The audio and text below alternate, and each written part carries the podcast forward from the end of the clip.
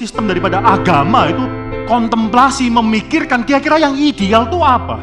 Apakah ada influence, pengaruh daripada filsafat Yunani yang masuk ke sini? Karena mereka yang menolak melakukan baptisan kepada bayi, mereka menjadikan baptisan itu sama dengan keselamatan. Karena kan ketika orang itu dibaptiskan, maka pada hari itu, saat itu juga mereka diselamatkan. Kalau kita adalah orang yang beribadah tuh adalah suatu pattern hidup kita adalah hidup yang mencontoh di atas.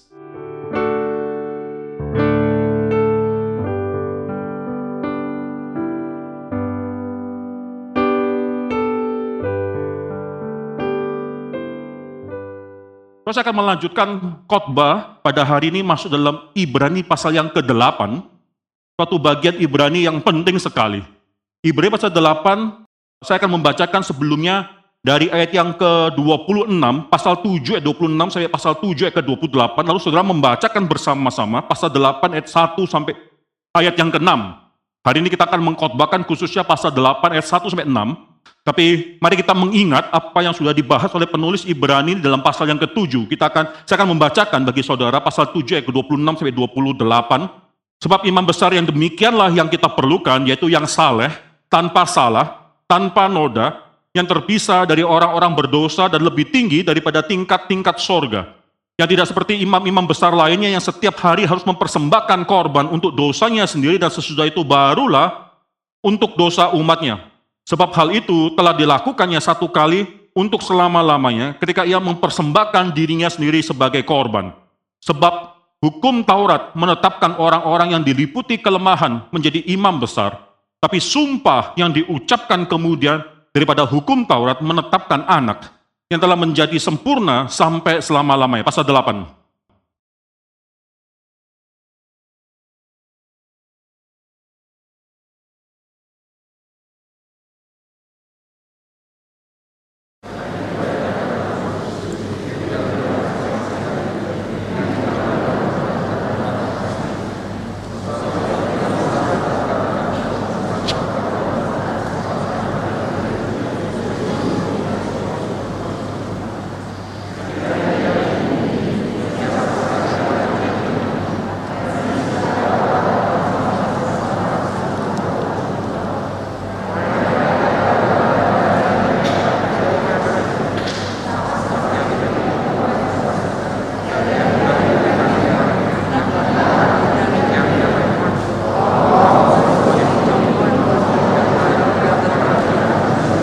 tapi sekarang ia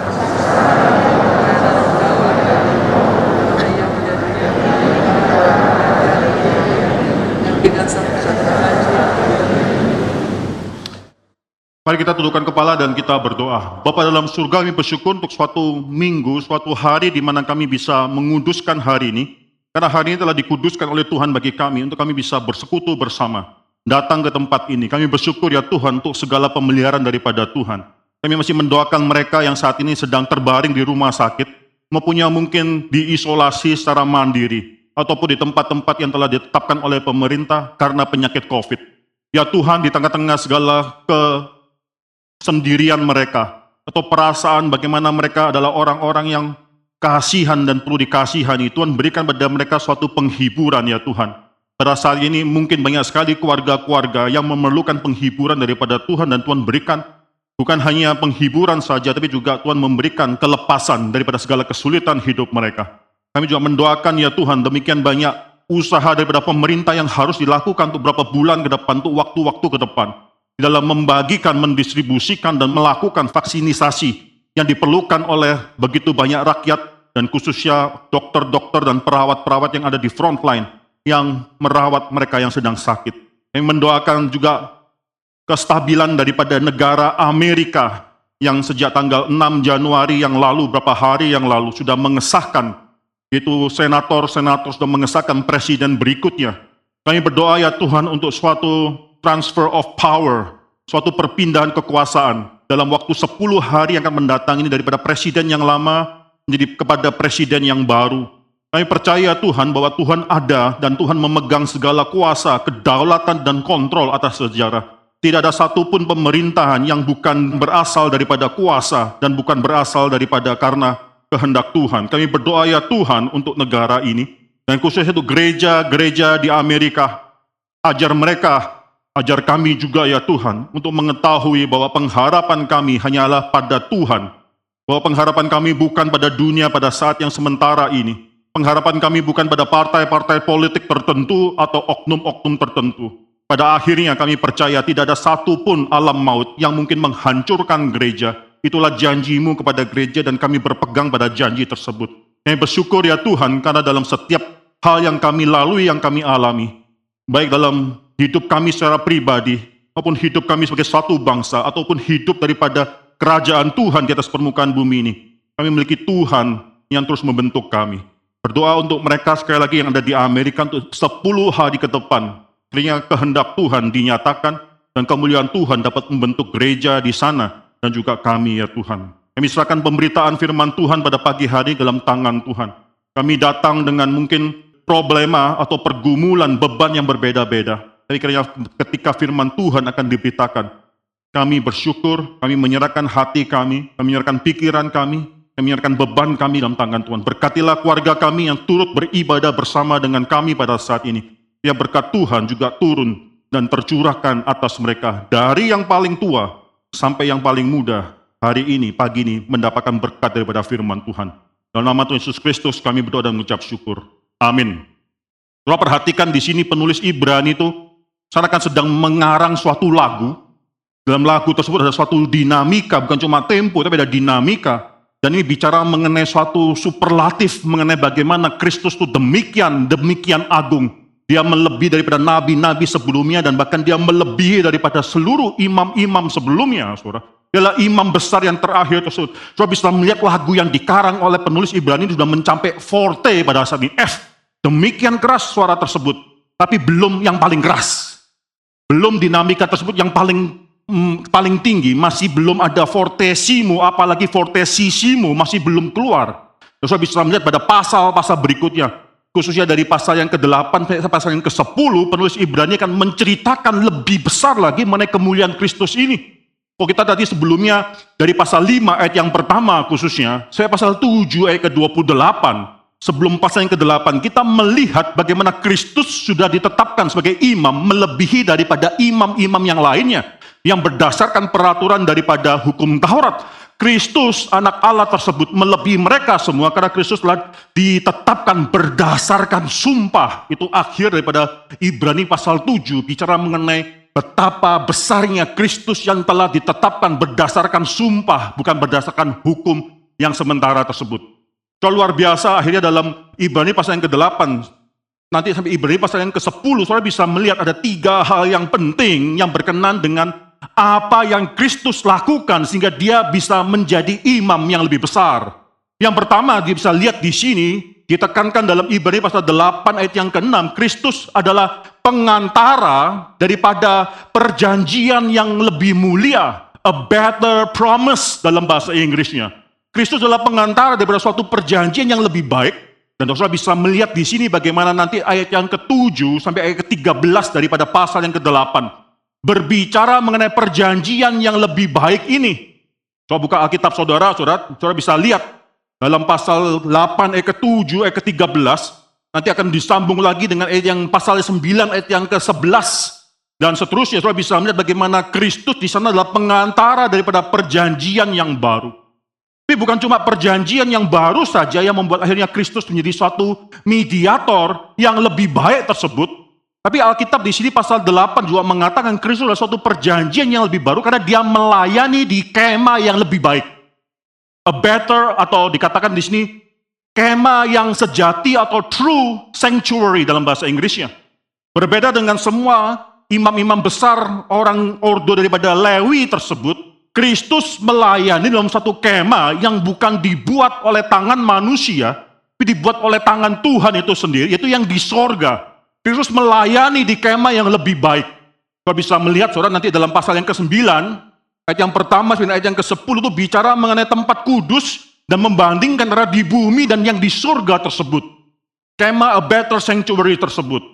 Tapi bukan hanya itu saja, dan Kristus bisa melakukan semua ini karena dia, Ibrani pasal 8 ayat yang ketiga, semua imam besar ditetapkan untuk mempersembahkan korban. Nanti penulis Ibrani kan mengatakan bahwa Kristus memberikan korban yang lebih sempurna daripada semua imam-imam besar tersebut.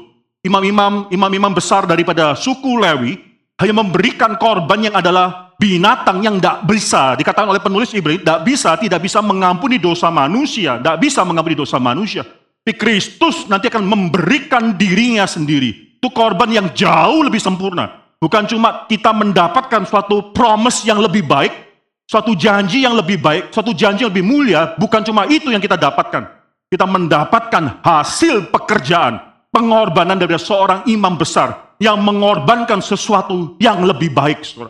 Itu yang dimaksudkan oleh penulis Ibrani, dan saudara bisa melihat nanti dalam Ibrani pasal yang ke-10 dan seterusnya sampai ayat yang ke-18. Itu bicara mengenai persembahan yang lebih sempurna ini. Apa yang Kristus lakukan bagi kita. Soalnya kita belum mencapai fortissimo, belum. Soalnya kita baru sampai forte. Ini suatu lagu yang makin lama akan semakin lebih keras secara volume. Untuk memberitakan mengenai siapa Kristus. Dan kita harus mempersiapkan diri kita. Untuk melihat kemuliaan daripada Kristus. Yang demikian penting bagi penulis Ibrani di sini. Saudara. Ada beberapa hal yang penting yang kita harus lihat di sini. Nanti kita akan menyimpulkan nanti dalam akhir khotbah ini. Saya akan menyimpulkan mengenai lima hal yang menjadikan mengapa Kristus jadi imam yang lebih penting, lebih besar ini. Tapi sebelumnya kau saudara perhatikan, dalam ayat yang ke-1, saudara, pasal 8 ayat ke-1 itu kata satu kalimat yang sangat penting sekali, yang mengatakan di sana bahwa imam besar, kita mempunyai imam besar yang demikian, such is the great priest we have, yang duduk di sebelah kanan takhta yang maha besar di surga. Kata duduk, saya tidak akan capek mengulangi, karena kata ini adalah satu kata yang demikian penting bagi penulis Ibrani. Karena tidak ada satupun imam-imam besar daripada imam-imam dan imam besar, khususnya imam besar daripada suku Lewi yang memiliki hak untuk duduk. Tidak ada.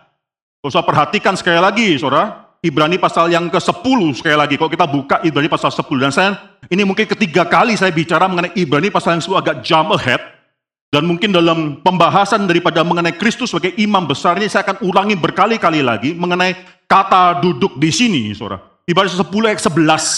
Sekali lagi di sana dikatakan selanjutnya setiap imam besar, ada suatu kata yang missing dalam bahasa Indonesia-nya, berdiri melakukan tiap-tiap hari pelayanan dan pelayanannya dan ulang-ulang mempersembahkan korban yang sama sekali tidak dapat menghapuskan dosa. Mereka harus berdiri. Mengapa? Tidak pernah tuntas pekerjaan mereka.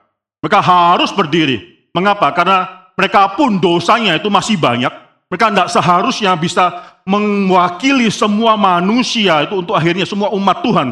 Lalu memberikan pengampunan Tuhan kepada mereka. Karena mereka pun mediator yang berdosa. Saudara. Jadi tidak ada suatu tempat bagi mereka, suatu kesempatan bagi mereka untuk duduk.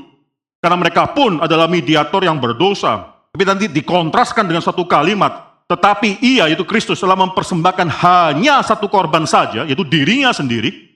Korbannya demikian berbeda dengan semua korban-korban yang sebelumnya setelah mempersembahkan hanya satu korban saja karena dosa, ia duduk.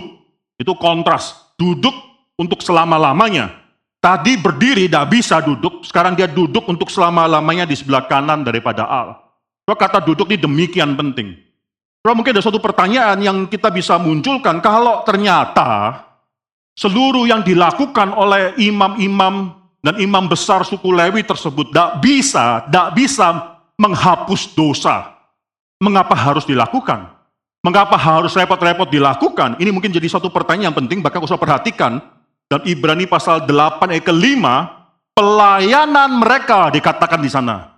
Pelayanan daripada imam-imam dan imam besar suku Lewi tersebut, pelayanan mereka adalah gambaran dan bayangan daripada apa yang ada di sorga.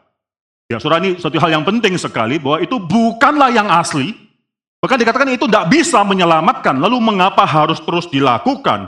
Karena satu alasan yang penting ditulis dalam Ibrani pasal 8 yang kelima. Karena apa yang mereka lakukan itu adalah gambaran, di sana dikatakan apa? Gambaran dan bayangan, atau dalam bahasa lainnya itu contoh dan kopi atas apa yang ada di surga. Maka tetap penting, walaupun tidak bisa menyelamatkan, tetap ada satu pelayan yang penting, karena dalam dunia sementara ini manusia sebelum pergi ke surga, melihat ada gambaran surga tersebut melalui pelayanan mereka. Sangat penting sekali, saudara. Bahkan Calvin pernah mengatakan, saudara, semua yang dilakukan oleh perjanjian lama, baik itu sunat, maupun mungkin mempersembahkan korban, atau mungkin dalam perjanjian baru dalam hidup gereja kita lakukan dengan sakramen baptisan dan sakramen perjamuan kudus. Semua itu memang tidak menyelamatkan, itu bukanlah anugerah itu sendiri, itu hanyalah tanda yang kelihatan bagi suatu janji yang tidak kelihatan. Itu hanyalah suatu tanda saja. Tapi mengapa manusia perlu tanda tersebut? Kalau itu tidak menyelamatkan, mengapa kita perlu akhirnya tetap mengambil, perlu dibaptiskan dalam waktu yang tepat kita harus dibaptiskan? Atau mengambil sakramen perjamuan kudus, walaupun tidak menyelamatkan, mengapa perlu? Karena kita adalah orang yang lemah, Calvin katakan. Kita adalah orang yang lemah, yang tanpa suatu visual sign yang kelihatan, tanpa tanda yang kelihatan tersebut, maka kita mungkin gampang dihancurkan, digoda oleh penggoda-penggoda dalam dunia ini. Iman kita gampang ditarik dan dijatuhkan. Itu mungkin bahasa lainnya, parafrasa daripada apa yang dikatakan oleh Calvin. Maka Tuhan memberikan tanda yang kelihatan untuk suatu janji yang tidak kelihatan. Janji itu yang menyelamatkan, bukan tanda yang menyelamatkan. Tidak ada satu orang pun dibaptis lalu diselamatkan karena dia mendapatkan air baptisan. Tidak ada. Tidak ada satu orang pun yang disunat lalu mendapatkan keselamatan. Bukan. Tidak ada satu orang pun yang mengakan perjamuan kudus lalu mendapatkan keselamatan tersebut. Tidak ada. Tapi bukan berarti bahwa itu semua tidak ada gunanya. Saudara. Itu adalah suatu tanda yang penting bagi kita untuk kita bisa lihat. Oh janji Tuhan itu. Walaupun saya tidak bisa lihat, tapi saya dikuatkan melalui tanda-tandanya. Maka di sini saudara, mengapa akhirnya walaupun imam-imam besar tersebut tidak bisa melakukan suatu hal yang menyelamatkan mereka, mengorbankan sesuatu yang tidak bisa menyelamatkan atau menghapus dosa umat Tuhan, tapi tetap harus dilakukan karena semua ini tanda. Semua ini tanda yang sangat penting yang harus dilihat oleh umat Tuhan. Dan seharusnya ini menjadi satu hal yang mempersiapkan mereka kepada yang sejati tersebut. Yaitu janji yang akan datang dari surga inkarnasi dan mati bagi mereka mempersembahkan korban yaitu tubuhnya sendiri. Tapi akhirnya yang salah adalah mereka lebih percaya tanda daripada janji tersebut. Mereka lebih menikmati tanda daripada mereka menikmati janji. Dalam gereja awal, saudara, sering salah satu yang sering kali membuat orang Kristen itu mendapat cemooh, bahkan mungkin dianiaya. Orang Roma, saudara, tidak keberatan dengan orang Kristen kalau mau memuja dewa yang lain. Mereka tidak keberatan, karena ada kumpulan dewa-dewa dalam kepercayaan orang Roma. Tapi akhirnya orang Roma melihat Romawi, Yahudi melihat bahwa ada suatu hal yang aneh dengan kepercayaan orang Kristen. Mengapa? Karena orang Kristen itu tidak ada tanda yang kelihatan. Tidak ada priest, tidak ada imam, tidak ada korban yang mereka sembeli. Semua agama melakukan hal tersebut. Orang Kristen tidak ada imam, tidak ada korban yang mereka sembeli, bahkan tidak ada lagi yang namanya temple bait Allah. Itu suatu hal yang mereka katakan suatu hal yang menjadikan iman Kristen suatu hal yang inferior itu rendah. Mengapa? Kami memiliki tanda-tanda yang bisa kelihatan. Kami memiliki suatu hal yang sangat visible sekali.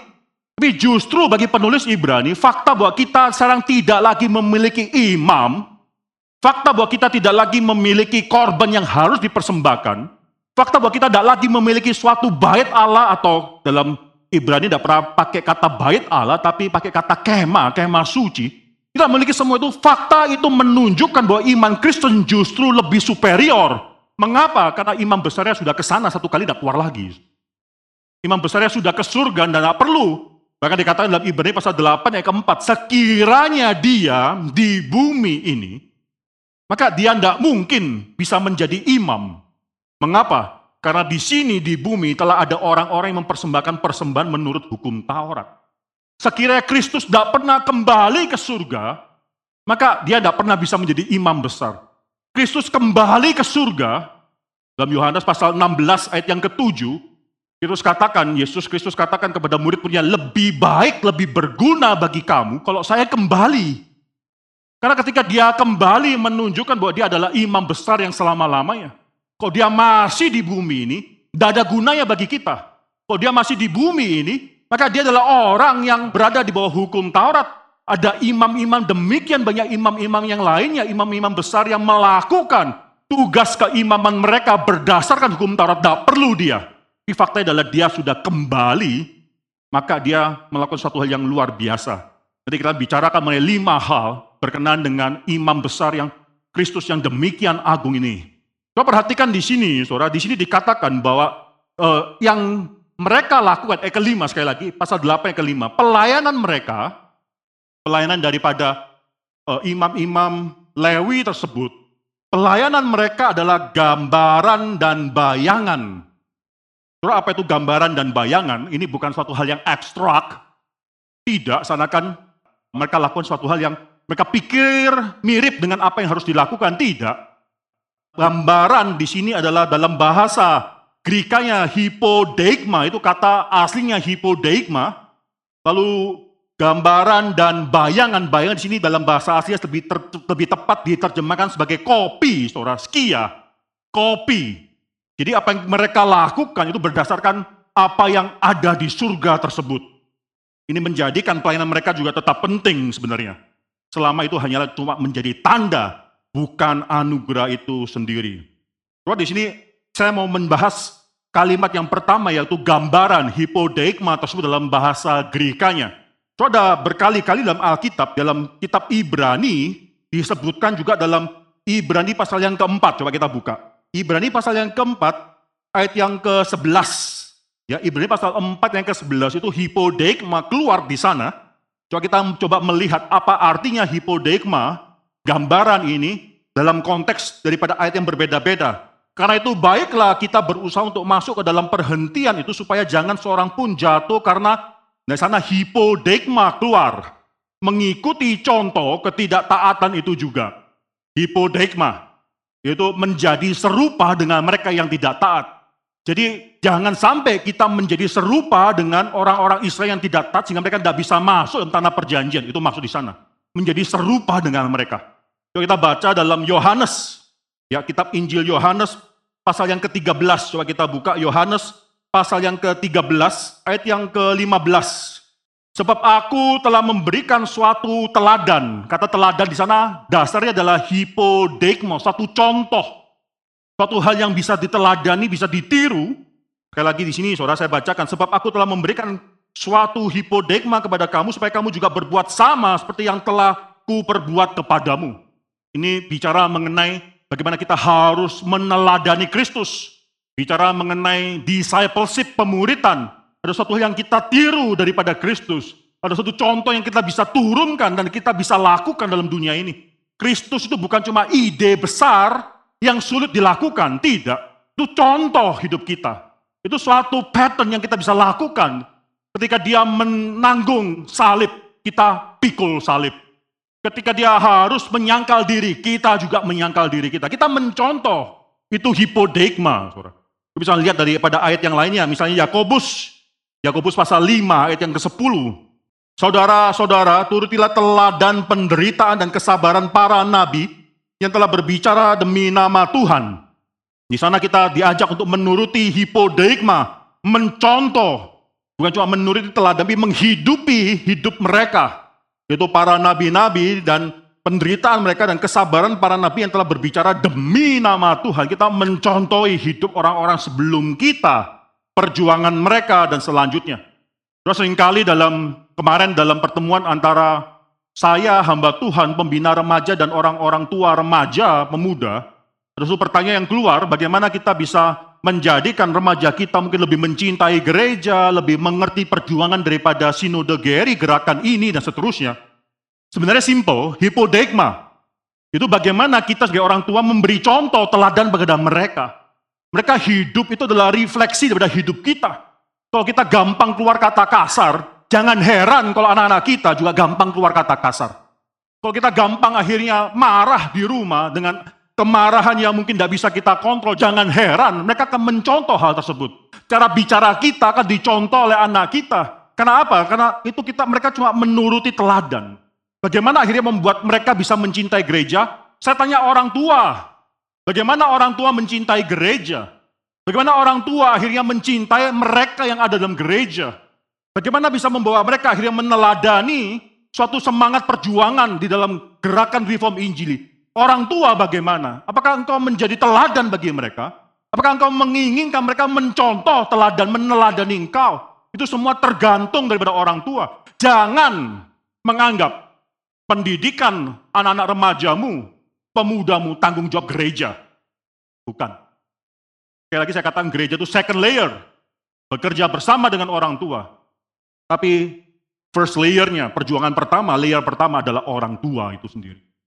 Kalau di sini saudara hipodegma menjadi teladan. Itu menggunakan kata hipodegma tersebut. Kita bisa mencontoh. Menjadi imitators yang meniru, meneladani, menghidupi cara hidup. Baik itu nabi-nabi sebelum orang-orang yang sebelum kita yang berbicara dalam nama Tuhan, demi nama Tuhan, atau Kristus anak Allah itu sendiri. Kalau kita baca 2 Petrus, kalau kita buka 2 Petrus saudara, 2 Petrus pasal yang kedua. 2 Petrus pasal yang kedua ayat yang ke-6. 2 Petrus pasal 2 ayat 6, dan jikalau Allah membinasakan kota Sodom dan Gomora dengan api, dan dengan demikian memusnahkannya dan menjadikannya suatu peringatan, itu hipodegma. Ya, suatu peringatan maksudnya adalah suatu contoh bagi mereka, suatu peringatan, suatu contoh untuk mereka yang hidup fasik di masa-masa kemudian. Apa yang Tuhan lakukan di masa yang lalu, termasuk penghakiman Tuhan bagi Sodom dan Gomora, itu cuma suatu contoh, example. Suatu hari nanti dalam penghakiman yang terakhir, Yesus sendiri katakan, Kapernaum, Kapernaum, engkau akan lebih dihakimi lebih daripada Sodom. Kalau Sodom melihat apa yang kulakukan pada saat itu, kota itu pasti akan ada sampai saat ini. Tapi Kapernaum, engkau telah menolak apa yang kulakukan, apa yang kukatakan. Maka engkau pasti akan dibuang ke dalam tempat yang lebih rendah tersebut. Saudara, contoh demikian penting. Maka di sini, saudara, sangat penting sekali kita melihat kembali dalam kitab Ibrani. Mari kita buka kitab Ibrani pasal yang ke-8. Saudara, tenda tersebut, kemah suci yang ada di dalam padang belantara tersebut, dan juga para pelayan kemah tersebut, pelayanan mereka itu semua adalah, di sini dikatakan gambaran dan bayangan, kurang sek, saudara, terjemahannya. Mungkin lebih tepat dikatakan adalah suatu contoh eksek. Bukan cuma suatu gambaran yang ide, bukan, atau bayangan atas satu hal yang kita pikirkan, enggak. Oh, saudara pernah belajar arsitektur, saudara. Mungkin saudara pernah pakai kertas kopi, kertas yang lain, itu tracing. Saudara tracing. Tracing itu mungkin mirip semacam demikian. Itu mengkopi berdasarkan, bukan kita lihat, kita kira-kira dimensi apa. Enggak, itu mencontoh dengan sangat tepat sekali, tracing. Kita taruh kertas tersebut di jendela atau di tempat di mana bawahnya ada terang. Lalu kita mengikuti garis sehingga jiplak itu mungkin lebih tepat. Menjiplak apa yang ada di atas. Itu maksudnya di sini, saudara. So, di sini sangat penting sekali sehingga pelayanan daripada mereka tersebut adalah pelayanan yang digambarkan oleh apa yang dilakukan oleh Kristus. So, mendengarkan hal ini saja, kita langsung mendapatkan satu perspektif yang baru. Sebelumnya, sebelum pasal 8, Kristus tuh kayak kayak menjadi satu exception terhadap apa yang sudah established. Itu mereka adalah imam-imam berdasarkan ordo daripada Lewi, Nah sekarang Kristus menjadi satu exception, bahwa Kristus ditetapkan sebagai suatu dengan sumpah, dengan ordo daripada Melkisedek. Berbeda. Mereka yang norm, Kristus yang exception. Sekarang dikatakan pelayanan mereka adalah bayang-bayang. Pelayanan mereka adalah satu pelayanan yang mencontoh saja apa yang ada di surga itu pelayanan daripada Kristus. Cara yang menjadi exception adalah mereka, yaitu para imam orang Lewi, bukan Kristus lagi. Kristus menjadi the original copy, bukan original copy, saudara, the original painting. Mereka hanya mencontoh, mengkopi apa yang ada di surga tersebut. Kemah suci itu menggambarkan apa yang ada di surga. So sampai di sini saudara saya mengajak kita untuk memikirkan suatu hal yang penting. Apakah ada influence, pengaruh daripada filsafat Yunani yang masuk ke sini? Itu justru pertanyaan penting. Saudara mungkin tahu bagaimana Plato, filsafat dia itu membedakan yang di atas dan yang di bawah. Yang di atas adalah dunia daripada ide, itu adalah form. Yang di bawah ini matter. Ada satu perbedaan antara form and matter, antara materi yang ada dalam dunia ini. Materi ini cuma bayang-bayang apa yang ada di atas. Di atas ini, yang di atas itu sempurna, yang di bawah ini tidak sempurna. Terus kan ada suatu pengertian bahwa jangan-jangan filsafat Yunani masuk dalam Alkitab. Apalagi saudara, kitab Ibrani ini tidak dikanonisasikan awal, tapi akhir. Pada awal hidup daripada gereja ini, banyak sekali orang Kristen pada zaman itu yang tidak menganggap ini suatu kitab yang diinspirasikan oleh Tuhan, yang harus masuk dalam kitab kanonisasi perjanjian baru.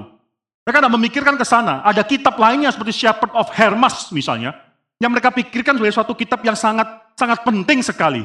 Irenaeus, seorang bapak gereja pada abad yang kedua, itu bahkan pernah menganggap bahwa Shepherd of Hermas menjadi bagian daripada kanon yang harus masuk dalam kitab suci.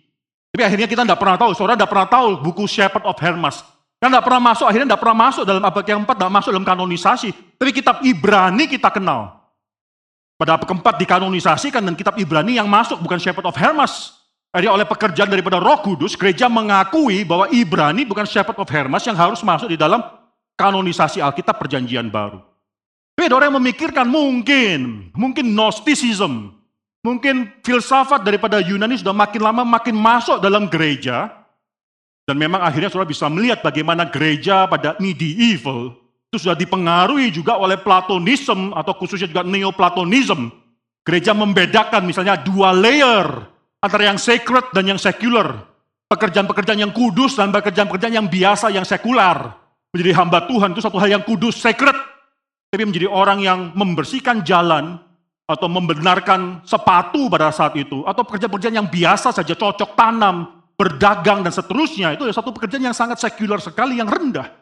Saudara, ini masuknya filsafat Yunani masuk dalam hidup gereja pada saat itu memang pernah gereja dipengaruhi. Tapi apakah Alkitab dipengaruhi oleh filsafat Yunani? Ketika kita bicara mengenai kema di dalam dunia ini adalah cuma suatu bayangan, kopi daripada kema yang di surga. Ini kan bahasa daripada Plato. Sangat mirip sekali dengan bahasa daripada Plato. Saudara, bahkan Plato juga mengatakan yang di atas dunia ide, dunia form itu dunia yang sempurna. Yang di bawah ini yang tidak sempurna. Saya sering kali menggunakan satu sampel atau contoh yang sangat mudah sekali kalau saudara menggambarkan lingkaran. Saudara bisa coba sekarang kalau ada bolpen, coba gambarkan lingkaran yang sesempurna mungkin. Saudara membuat gambar lingkaran tetap peot, saudara. Tetap ada yang tidak sempurna. Mengapa? Karena ide mengenai lingkaran yang sempurna itu adanya cuma di sana. Ide doang, tidak ada di sini. Kita tidak bisa menggambarkan yang sempurna. Coba gambar sesempurna mungkin. Sebaik mungkin. Bahkan pakai jangka, saudara coba gambar. Sret. Saudara dibesarkan dengan kacamata pembesar, dengan mikroskop kelihatan ujung atau tepi daripada lingkar sud itu ada ridgesnya, saudara. Ada ripple-nya. Tidak sempurna. Tidak licin satu persen. Mengapa? Karena pensilnya juga tidak sempurna. Semua yang ada dalam dunia ini tidak sempurna. Plato melihat ketidaksempurnaan dalam dunia ini. Tapi dia nggak bisa menjelaskan. Plato melihat bahwa dunia ini memang tidak sempurna. Ada kematian, ada suatu perbuatan daripada manusia yang tidak sempurna, tapi dia tidak bisa menjelaskan bahwa ketidaksempurnaan tersebut datang karena manusia bukan Tuhan, dan apalagi manusia sudah berdosa. Plato bukan hanya tidak bisa menjelaskan mengapa dunia tidak sempurna, Plato tidak bisa menjelaskan apa solusinya. Tidak ada konsep keselamatan dalam pemikiran daripada Plato itu tidak ada. Tidak ada konsep daripada salvation, apalagi salvation daripada luar manusia. Baik Plato maupun juga Socrates, mereka percaya mengenai konsep daripada nyawa, eternal soul, mereka percaya. Tapi bagi mereka eternal soul tersebut adalah eh, soul yang terus berreinkarnasi. Masuk, mati. Masuk, mati dan hidup daripada orang-orang selanjutnya. Mereka ada konsep yang break the history, itu tidak ada. Mereka ada konsep mengenai bagaimana keselamatan dari luar manusia masuk ke dalam sejarah manusia. Tidak ada konsep tersebut. Bahkan Dewa-dewa mereka, ala-ala mereka hidupnya mirip seperti manusia yang berdosa.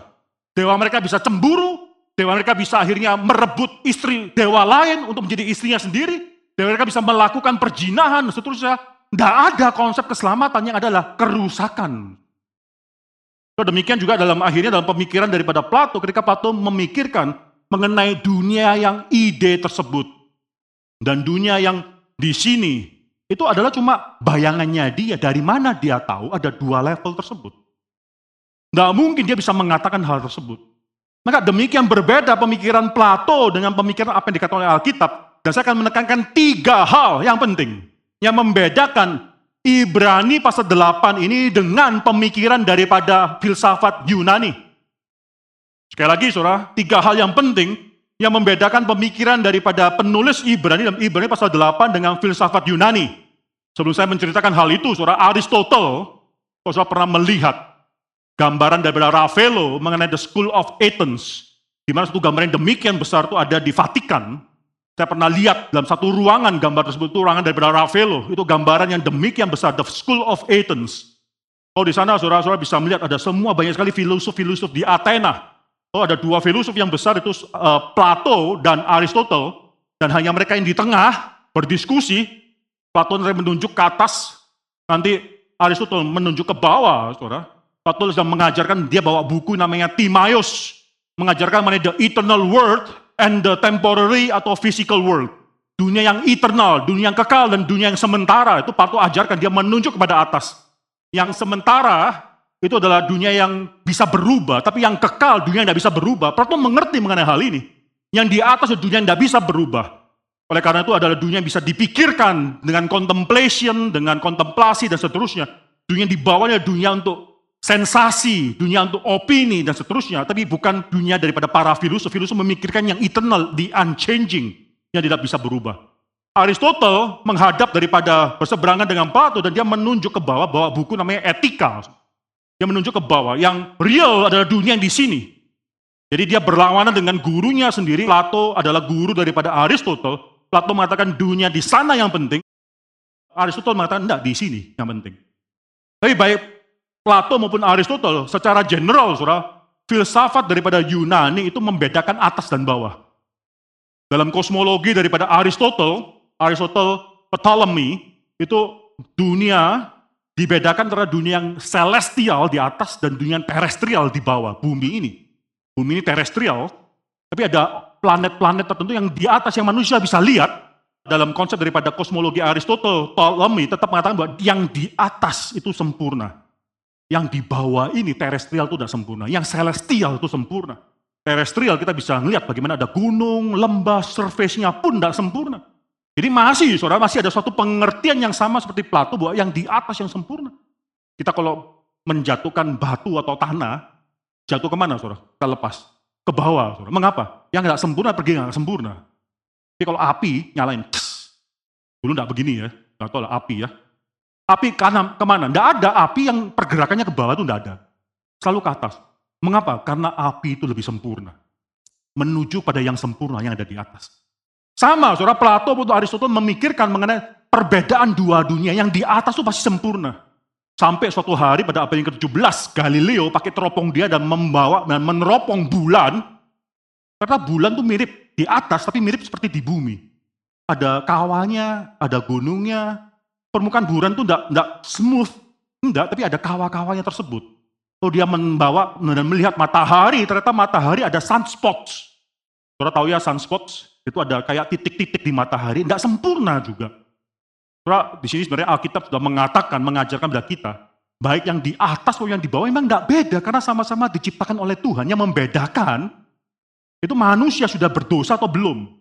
Setelah berdosa maka dunia ciptaan ini dikutuk oleh Tuhan. Itu yang membedakan dunia sebelum manusia berdosa dan sesudah manusia berdosa. Saya tidak bicara mengenai hal itu, saudara. Tapi konsep mengenai sempurna dan tidak sempurna, sacred dan sekuler, dua layer tersebut itu ada pemikiran daripada filsafat Yunani. Nah, apakah sekarang Alkitab, penulis Ibrani di sini terpengaruh oleh hal tersebut? Saya katakan tidak, ada tiga alasan. Yang pertama, ini sangat penting sekali. Yang pertama, Plato ketika dia memikirkan mengenai dunia form yang lebih sempurna tersebut, adalah suatu spekulasi. Tidak pernah dia pergi ke sana, tidak pernah. Tidak pernah dia datang di sana dan menceritakan apa yang ada di sana, tidak pernah. Plato hanya berspekulasi mengenai perbedaan dunia form dan dunia materi. Apa dasar daripada pengajaran Plato? Tidak ada dasarnya.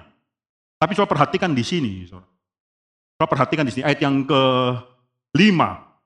Ya, pelayanan mereka adalah gambaran dan bayangan dari apa yang ada di surga sama seperti yang diberitahukan kepada Musa ketika ia hendak mendirikan kemah. Lalu kutip ini perkataan Tuhan langsung. Ingatlah demikian firmannya bahwa engkau membuat semua itu menurut contoh yang telah ditunjukkan kepadamu. Tuhan yang memwahyukan. Itu luar biasa. Jadi memang memang ada kayak similarity antara Ibrani pasal 8 ini dengan filsafat daripada Yunani, tapi berbeda, sangat berbeda sekali. Ini Tuhan sendiri yang memwahyukan. Bahkan saudara bisa melihat di sini, contoh yang telah ditunjukkan kepadamu di atas gunung itu, ada suatu pengertian bukan cuma Musa mendapatkan pengertian secara verbal dan menginterpretasikan, tidak Musa melihat, ditunjukkan, shown to you secara visual. Musa dibawa untuk melihat surga, dan Musa melihat apa yang dari surga dia akhirnya melakukan. Itu menjadi contoh apa yang dia kerjakan di bumi ini. apa yang ada di bumi, kalau kita adalah orang yang beribadah tuh adalah suatu pattern hidup kita adalah hidup yang mencontoh di atas.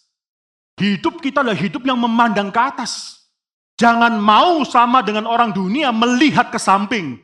Apalagi menjadi seperti orang binatang. Kalau kita hidup di satu zaman modern yang mengatakan bahwa manusia pun itu hanya binatang yang berevolusi. Jadi kalau binatang melakukan hubungan homoseksual, dan banyak sekali binatang melakukan hubungan homoseksual, manusia lumrah juga menginginkan hubungan homoseksual. Bukan masalah moral, bukan masalah dosa, itu lumrah dilakukan oleh dunia binatang. Maka kita yang adalah binatang juga bisa melakukannya juga. Tidak usah bicara mengenai standar moralitas daripada Tuhan dan seterusnya. Karena kita hanya mencontoh. Surah Alkitab mengatakan tidak, kita mencontoh yang di atas. Kita mencontoh hidup daripada Kristus. Kalau Kristus pernah menyangkal dirinya sendiri, dia akhirnya pernah memikul salib, kita juga diminta melakukan yang sama. Kita dibangkitkan bersama dengan Kristus, kita menderita bersama dengan Kristus, kita akan dimuliakan bersama juga dengan Kristus. Kita mencontoh hidup yang ada di atas. Itu pemimpin kita, imam besar kita yang sudah menang. Tapi bukan hanya itu saja, ya Alkitab mengatakan Tuhan yang sudah memwahyukan. Tuhan yang memberikan wahyu tersebut. Bukan Musa yang mengira-ngira kira-kira kayak apa ya surga itu. Bukan itu. Itu adalah agama. Agama adalah imajinasi manusia untuk mencoba menerka-nerka apa keinginan daripada Tuhan. Tapi dalam kekristenan Tuhan yang memwahyukan dirinya. Tuhan yang memberikan kepada Musa yaitu membawa dia untuk melihat surga dan jangan lupa engkau akan membuat kemah suci seperti gambarannya dari surga dan Musa membuatnya. Dan apa yang dia lihat berbeda sekali dengan Plato. Yang kedua, bukan cuma itu saja, karena wahyu Allah ini dan ketaatan Musa maka saudara bisa melihat ada kemiripan, kita bisa melihat ada kemiripan antara kemah yang di bumi tersebut, yang dibuat oleh tangan manusia, oleh Musa, dengan kemah kemah yang sejati, yang bukan dibuat oleh tangan manusia itu. Kita bisa meyakini ada satu kemiripan. Setiap kali kita melakukan sakramen, baptisan, perjamuan kudus yang kita lakukan tersebut, itu bukanlah cuma fragmen daripada ide manusia. Tidak, itu diinstitusikan oleh Kristus diberikan oleh Allah sendiri. Sehingga kita, kita mengapa kita melakukan sakramen? Karena taat kepada Allah. Karena taat kepada kepala gereja, kita melakukan sakramen tersebut. Maka di sini sih luar biasa sekali sistem daripada agama itu kontemplasi memikirkan kira-kira yang ideal itu apa. Tapi dalam kekristenan, saudara, itu wahyu. Dari atas ke bawah, bukan dari bawah ke atas. Keselamatan juga demikian. Keselamatan bukan manusia memikirkan kira-kira yang baik bagi Allah itu apa. Yang bisa diterima bagi Allah itu apa. Cilakalah kita kalau kita sudah bertahun-tahun mendengarkan firman Tuhan tapi masih memikirkan bahwa keselamatan itu adalah usaha manusia. Apa yang kita pikirkan. Tidak di atas mimbar ini diberitakan terus-menerus. Bahwa keselamatan bagi engkau dan bagi istrimu, bagi suamimu, bagi keluargamu adalah karena apa yang Tuhan lakukan. Dari atas ke bawah. Dari atas ke bawah. Luar biasa sekali, saudara, luar biasa sekali. Saudara, saya lagi, saudara, apa yang dilakukan oleh Musa, karena Musa taat dan Allah sudah memwahyukan dan Musa taat, maka Musa membuat kemah suci yang serupa. Nah di sini, saudara, kita masuk dalam hari ini khotbah agak filsafat sendiri, tidak apa-apa, saudara ya. Hari kita masuk pada epistemologi. Dalam dunia epistemologi, teori mengenai pengetahuan dan seterusnya, itu ada pertanyaan, seberapa dekatnya sih pengetahuan kita, misalnya atas botol air ini, atau atas suatu pohon di luar, apa pun, X, semua yang kita bisa masuk, pengetahuan kita atas pohon, atas gunung, atas bumi, atas bintang, dibandingkan dengan pengetahuan Tuhan atas hal yang sama. Kalau mengerti ya pertanyaannya lah. Ya ini epistemologi, pertanyaan adalah epistemologi, khususnya bagi orang Kristen, Tuhan mengetahui segala sesuatu, ada pengetahuan Tuhan atas segala sesuatu, kita juga mengetahui sesuatu yang kita bisa ketahui. Pohon tersebut bisa di luar. Saudara ketika keluar, saudara bisa bertanya, seberapa dekat atau seberapa jauh pengetahuanku atas pohon tersebut dengan pengetahuan Tuhan atas pohon tersebut. Ya, ini, ini menjadi satu perdebatan yang sangat menarik sekali, saudara. Maka saudara ada perbedaan antara univocal, equivocal, univocal terlebih dahulu saya bahas. Univocal, U-N-I, vokal, saudara, F-P-O-C-A-L, univocal mengatakan bahwa pengetahuan kita dan pengetahuan Tuhan itu sama, identical. Equivokal, I, E, equi, equi vokal, mengatakan bahwa pengetahuan kita dan pengetahuan Tuhan itu berbeda. Karena kita adalah manusia, kita bukan Tuhan. Tuhan Tuhan, maka pengetahuan kita, apalagi kita adalah manusia yang berdosa, pasti berbeda. Mana yang benar, saudara? Univokal, equivokal, kita bingung. Kalau kita mengatakan kita pengetahuan kita sama dengan Tuhan, ya mbok, mbok tahu sungkan lah ya, masa orang berdosa pengetahuannya bisa sama dengan pengetahuan Tuhan. Tapi kalau kita katakan kita equivokal, berbeda dengan pengetahuan Tuhan, maka kita sebenarnya tahu apa? Jangan-jangan yang kita ketahui bukan yang sebenarnya. Dan jangan nggak ada dasar daripada pengetahuan kita. Univokal, equivokal. Uni sekali lagi berkata mengenai sama, equi berkata mengenai berbeda. Kalau ada satu contoh, saudara, salah satu hamba Tuhan kita, pendeta Benjamin Intan, ketika masih menjalin, mencoba menjalin hubungan dengan bekas pacar dia sekarang, yaitu Ibu Yani, saudara ya, itu Ibu Yani pernah tanya ya, kamu suka anjing enggak? Gitu ya. Wah, Pak Ben langsung dari Ambon, saudara ya. Wah suka, saya suka, saya suka anjing. Wah ini cocok nih ya, ini cocok nih antara dua orang yang sama-sama suka anjing. Ternyata itu adalah perkataan suka dalam arti equivokal, tidak sama artinya. Karena Ibu Yani suka suka membelai anjing, suka memelihara anjing. Pak Ben suka suka makan anjing, saudara. Dua yang sangat berbeda, itu namanya equivokal, saudara. Itu adalah akhirnya apa yang dia katakan, walaupun katanya sama, tapi pengertian sangat berbeda sekali. Yang satu suka suka memelihara, yang satu suka suka makan, saudara. Tapi tetap bisa nikah karena anugerah Tuhan, saudara tetap bisa menikah. Nah di sini sama per, pengetahuan saya mengenai sesuatu itu sama tidak pengetahuan Tuhan. In univokal sama atau equivokal berbeda. Dua-duanya memiliki kesulitan.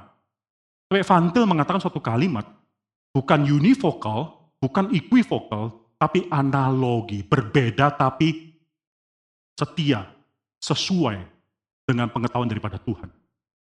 Bukan salah. Kalau saudara perhatikan di sini, saudara, ini ada satu kalimat yang penting di sini, ayat kedua, saudara, dan yang melayani ibadah di tempat kudus, yaitu di dalam kemah sejati.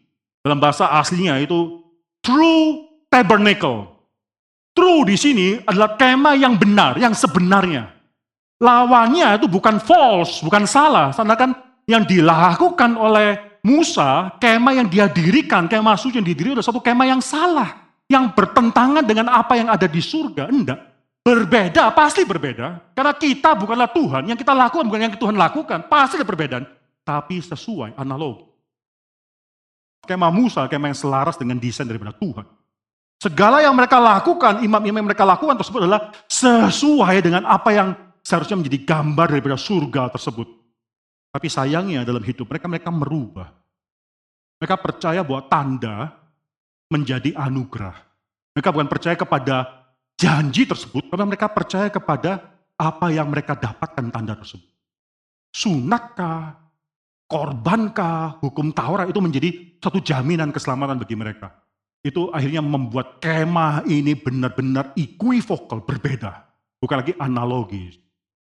Saudara, bicara lebih lanjut mengenai hal ini, tapi ini sangat menarik sekali dalam diskusi daripada epistemologi mengenai bagaimana pengetahuan kita tentang sesuatu dan pengetahuan Tuhan atau sesuatu hal yang sama tersebut, maka paling tidak di sini kalau kita berdasarkan diskusi daripada kemah gambaran di surga dan juga gambaran di bumi tersebut, itu menjadi suatu hal yang mengertikan atau memberikan pengertian yang berbeda itu analogi.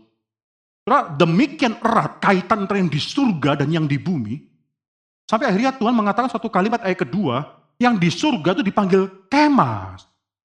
Ternyata yang di surga juga dipanggil sebagai kemah. Bukan cuma yang di bumi, tapi yang di surga juga dipanggil sebagai suatu kemah. Menunjukkan ke, keeratan kaitan antara yang di surga, yang asli tersebut dengan yang di bumi, yang di surga. Bahkan dipanggil sebagai suatu kemah. Itu yang kedua, saudara ya. Yaitu kemiripan antara yang di atas tersebut dengan yang ada di bumi. Yang ketiga, kalau Plato, saudara itu menekankan perbedaan. Penulis Ibrani menekankan kemiripan. Plato menekankan absolut antitesis antara yang di form yang di atas dengan meter yang di bawah. Oke, yang ketiga, saudara, Plato itu tidak memiliki konsep bridging antara dunia yang di atas dan dunia yang di bawah. Tidak ada, tidak ada, tidak ada kaitannya. Tidak ada bagaimana bisa mengkaitkan dunia yang ide tersebut, form dengan dunia materi. Saya perhatikan dalam penulisan Ibrani di sini, bridge yang mengkaitkan dunia yang di atas dengan dunia di bawah ini, dengan sorga, kemah yang sejati, dengan kemah yang menjadi bayang-bayang adalah apa? Kristus. Ada bridge-nya. Bahkan menarik sekali bagi penulis Ibrani, Kristus itu masuk ke surga bukan karena dia adalah anak Allah. Benar dia adalah anak Allah. Kristus masuk ke surga dan duduk di sebelah kanan daripada Allah Bapa adalah karena dia adalah seorang manusia yang taat sampai mati dan tidak berdosa sehingga dia bisa masuk ke surga. Tempat yang maha kudus tersebut. Itu luar biasa sekali kalau dalam pemikiran Plato tidak mungkin. Yang namanya materi itu masuk ke surga, tidak mungkin. Tidak mungkin namanya materi masuk dunia form, itu tidak mungkin karena suatu perbedaan yang demikian, demikian sangat besar sekali. Form ya form, dunia form ya dunia form. Tidak ada materi di sana, dunia materi ya dunia materi. Tidak ada yang namanya kaitan, bridge antara dunia materi dan dunia form, tidak ada. Penulis Ibrani mengatakan Kristuslah kaitannya. Melalui apa yang dia lakukan, khususnya juga melalui siapa dia. Dia adalah imam, dan imam yang setia sampai mati. Dia mempersembahkan yang terbaik tersebut. Maka dia bisa masuk kepada dunia yang atau tabernacle, kema yang sejati tersebut. Sangat berbeda sekali pemikiran daripada Ibrani dengan pemikiran daripada Plato. Soalnya kita harus mengetahui bahwa segala yang dituliskan dalam Alkitab ini adalah nafas daripada Tuhan.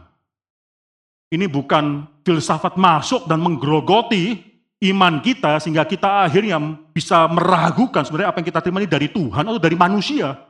Memang tidak terlepas dengan filsafat daripada manusia karena manusia adalah penulis kedua, secondary author. Firman Tuhan, nafas Tuhan itu adalah yang penulis pertama atau the primary author. Kita harus percaya bahwa ini adalah firman Tuhan. Tidak ada kesalahan di dalamnya. Sesuatu hal yang Tuhan wahyukan yang demikian berbeda dengan semua filsafat-filsafat dalam dunia ini. Terus saya akan tutup khotbah ini dengan lima ciri yang menjadikan imam besar ini jatuh imam besar yang begitu lebih baik bagi kita pada saat ini. Yang pertama, dikatakan di sini bahwa dia sudah duduk sekali lagi, saudara, duduk itu penting. Ayat yang pertama, kita mempunyai imam besar yang demikian yang duduk. Saudara di sini, saudara, kata duduk ini diulangi berkali-kali dalam kitab Ibrani, ada lima kali. Ibrani pasal, coba kita buka ya. Ibrani pasal yang pertama. Kita buka. Di pasal yang pertama, ayat ketiga, itu dikatakan, ia duduk di sebelah kanan yang maha besar di tempat yang tinggi. Itu yang pertama kali keluar kata duduk. Duduk dan kanan. Keluar lima kali di Ibrani. Ia duduk di sebelah kanan Allah Bapak yang maha tinggi. Khususnya duduk lima kali. Ibrani pasal 1 ayat ke-13. Ya, dan kepada siapakah di antara malaikat pernah ia berkata, duduklah di sebelah kananku. Itu kedua kali keluar. Ya, lalu saudara bisa melihat Ibrani pasal 8 yang pertama yang kita baca tadi. Imam besar inilah yang kita miliki yang duduk di sebelah kanan takhta yang maha besar di surga ketiga kali. Yang keempat kali nanti dalam Ibrani pasal 10 ayat ke-12 yang tadi juga kita sudah baca, saudara.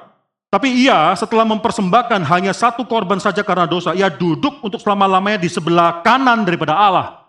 Keluar yang keempat kali, duduk di sebelah kanan. Yang kelima, Ibrani pasal 12, ayat yang kedua, itu kelima kali kata duduk keluar. Marilah kita melakukannya dengan mata yang tertuju kepada Yesus, yang memimpin kita dalam iman dan yang membawa iman kita itu kepada kesempurnaan yang dengan mengabaikan kehinanya, tekun memikul salib ganti sukacita yang disediakannya bagi dia, yang sekarang duduk di sebelah kanan takhta daripada Allah. Lima kali kata duduk dan kanan keluar.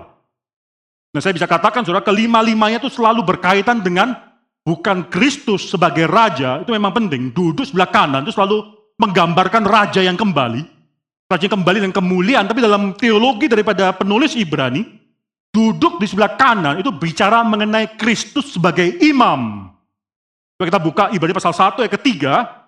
Setelah ia selesai mengadakan penyucian dosa, ia duduk di sebelah kanan yang maha besar. Kaitannya dengan penyucian dosa.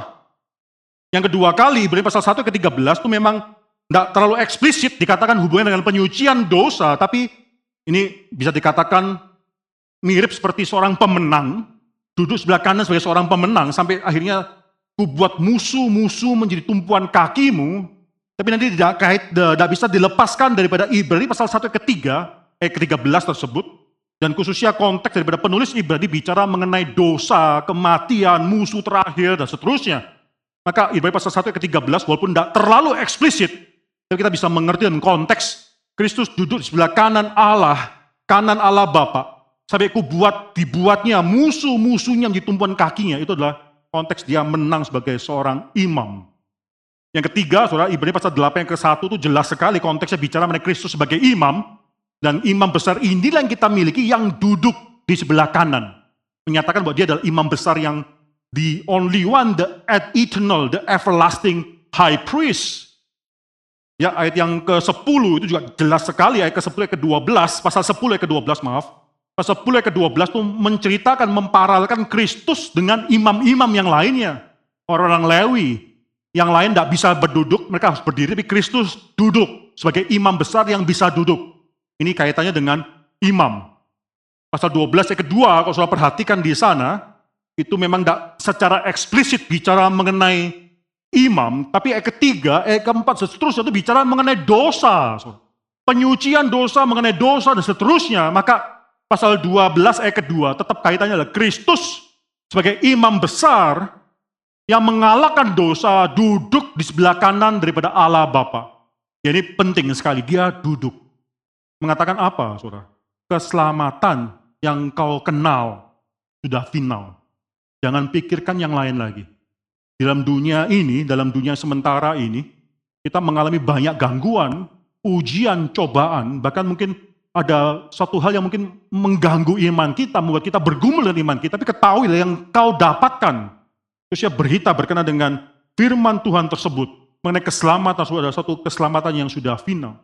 Penulis Ibrani yang berbicara kepada orang-orang Kristen pada zaman itu yang memikirkan sekali lagi kembali kepada Judaism. Terus Ibrani katakan jangan. Itu cuma bayangan.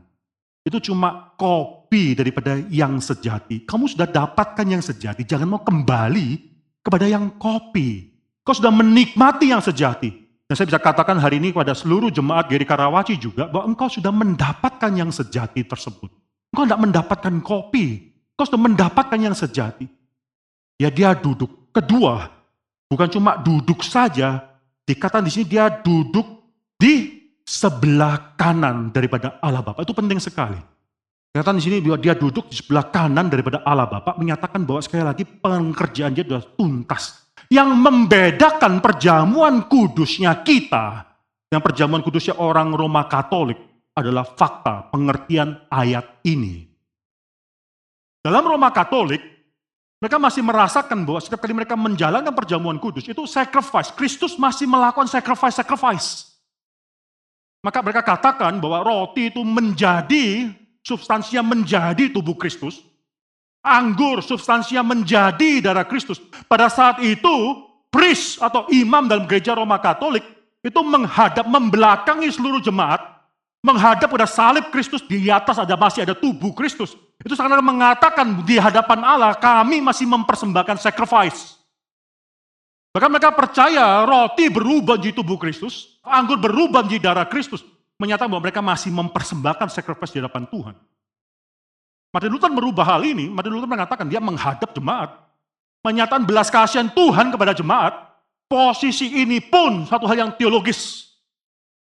Menghadap, membelakangi jemaat atau menghadap jemaat, itu teologis sekali, saudara. Di sini salibnya orang protestan kosong. Tidak ada, mengapa? Karena dia sudah duduk di belah kanan Allah Bapa yang di surga. Takta daripada yang maha besar. Dia sudah duduk. Dia tidak kembali, dia tidak turun-turun lagi. Tapi terlebih lagi dalam pemikiran daripada Calvin, Calvin, kalau Martin Luther masih tidak konsisten, Martin Luther mengatakan bahwa tetap tubuh atau roti tersebut substansinya berada bersama dengan substansi daripada tubuh Kristus. Anggur tetap berada substansinya bersama dengan darah Kristus.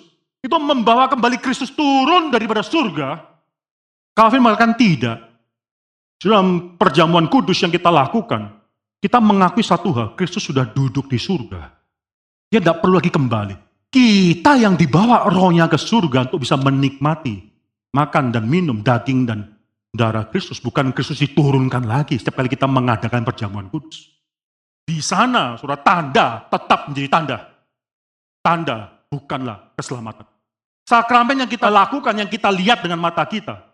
Sakramen baptisan, sakramen perjamuan kudus itu hanyalah tanda atas suatu hal yang sudah sempurna dikerjakan oleh Kristus. Tanda. Bukan berarti tidak penting, tapi bukanlah keselamatan itu. Saudara mereka yang menolak melakukan baptisan kepada bayi, infant baptism, gereja reform melakukan bayi yang baru lahir sebisa mungkin tidak perlu tanpa delay dibaptiskan. Itu kita percaya satu hal bahwa itu adalah tanda. Mereka yang tidak mau melakukan hal itu dan dengan alasan. Bukankah nanti waktu besar mereka bisa mengingkari iman mereka? Mereka menjadikan baptisan itu sama dengan keselamatan. Karena kan ketika orang itu dibaptiskan, maka pada hari itu, saat itu juga mereka diselamatkan. Lalu ntar besar bagaimana? Nanti kalau mereka mengingkari iman mereka bagaimana? Tanpa mereka sadar, orang besar pun dibaptiskan juga bisa mengingkari iman mereka. Bisa juga. Yang kedua, saudara, sering kali kita tanpa sadar juga, mungkin yang sering kali mengabarkan Injil di rumah sakit, memiliki pemikiran yang demikian, ini orang sudah lagi mau mati. Kalau dia sudah mau mati, telepon. Him-him, pendeta Budi. Wah, nggak bisa dikontak. Saya nggak bisa dikontak. Lalu terjadi suatu pemikiran. Saya yang baptisan aja. Ya kan? Saya mau baptisan. Belum mati, emergency. Pendetanya nggak bisa dikontak. Atau macet, atau whatever lah. Nggak bisa dikontak. Sekarang saya membaptiskan karena ini emergency. Calvin katakan nggak perlu. Nggak perlu, karena apa? Karena itu cuma tanda, bukan keselamatan.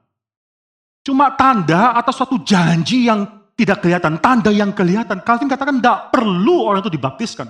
Yang membaptiskan tetap adalah mereka yang sudah diordain, dikhususkan dalam memberitakan firman Tuhan dan membaptiskan. Selain daripada itu, Calvin katakan tidak perlu. Mengapa? Tanda. Mengapa? Karena yang itu sudah duduk dan tidak pernah datang lagi, tidak perlu. Yang itu sudah duduk di sebelah kanan, sudah tuntas yang dia lakukan. Keselamatan itu bukanlah yang kita lakukan secara visual, secara fisikal, bukan. Tapi sudah tuntas dia genapkan. Yang pertama duduk, yang kedua adalah duduk arti duduk di sebelah kanan daripada Allah di dalam takhta yang maha besar. Selama-lamanya dia duduk. Yang ketiga, yang penting di sini, saudara, dia bukan cuma duduk di sorga. Yang kedua, ayat kedua, kalau perhatikan di sana, Ibrani pasal 8 yang kedua. Dan yang melayani ibadah di tempat kudus. Dia akan duduk di sana diam-diam, tidak melakukan apa-apa. Dia tetap menjadi pelayan. Dia melayani tempat yang maha kudus. Nah ini bersuka cita kita mengetahui satu hal, bahwa dia masih melayani. Berarti satu hal, bahwa dia bukanlah orang yang seperti imam-imam sebelumnya. Mereka semua tidak melayani kita. Imam-imam besar itu adalah imam-imam besar yang sudah mati. Mereka bukan imam besar yang tetap bisa melayani kita. Siapa yang kita kenal? Harun kah? Kayafas kah? Atau siapa yang kita kenal? Imam besar siapa? Yang kita pernah kenal? Semua sudah mati. Tidak bisa terus melayani. Jadi imam besar yang kita miliki adalah imam besar yang terus melayani bahkan di tempat yang maha kudus tersebut. Tuntas pekerjaan dia. Kita mengatakan dia juga terus melayani di tempat atau kemah yang sejati itu. Yang keempat, saudara, yang terakhir di sini, kita bisa katakan bahwa dia menjadi miliknya kita. Coba kita baca yang pertama di sini. Inti segala yang kita bicarakan itu ialah kita mempunyai imam besar. Itu kalimat yang sangat menguatkan kita. Dia bukan cuma jauh di sana, melihat, memperhatikan, hendak kita memiliki imam besar macam demikian. Itu punyanya kita miliknya kita. Saudara. Tidak ada satupun dari kita bisa mengatakan kita memiliki Harun. Tidak bisa. Mengapa? Karena Harun sudah mati. Dia hanya melayani satu zaman tertentu dan setelah itu dia mati. Kita bisa mengatakan bahwa kita memiliki imam-imam besar yang lainnya. Tidak bisa. Tapi kita memiliki imam besar itu. Alkitab dengan sangat uniknya di sini penulis Ibrani bukan mengatakan bahwa dia memiliki kita, tapi kita memiliki dia. Kita yang memiliki dia. Kita yang memiliki imam besar yang semacam demikian ini. Ada satu ayat yang sangat indah sekali, coba kita buka, Mazmur. Mazmur pasal 118. Ya, Mazmur pasal 118. Coba kita baca ayat yang ke-14.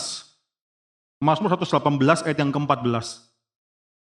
Penulis uh, penulis Mazmur di sini mengatakan suatu kalimat, Tuhan, Yahweh itu kekuatanku dan Mazmurku.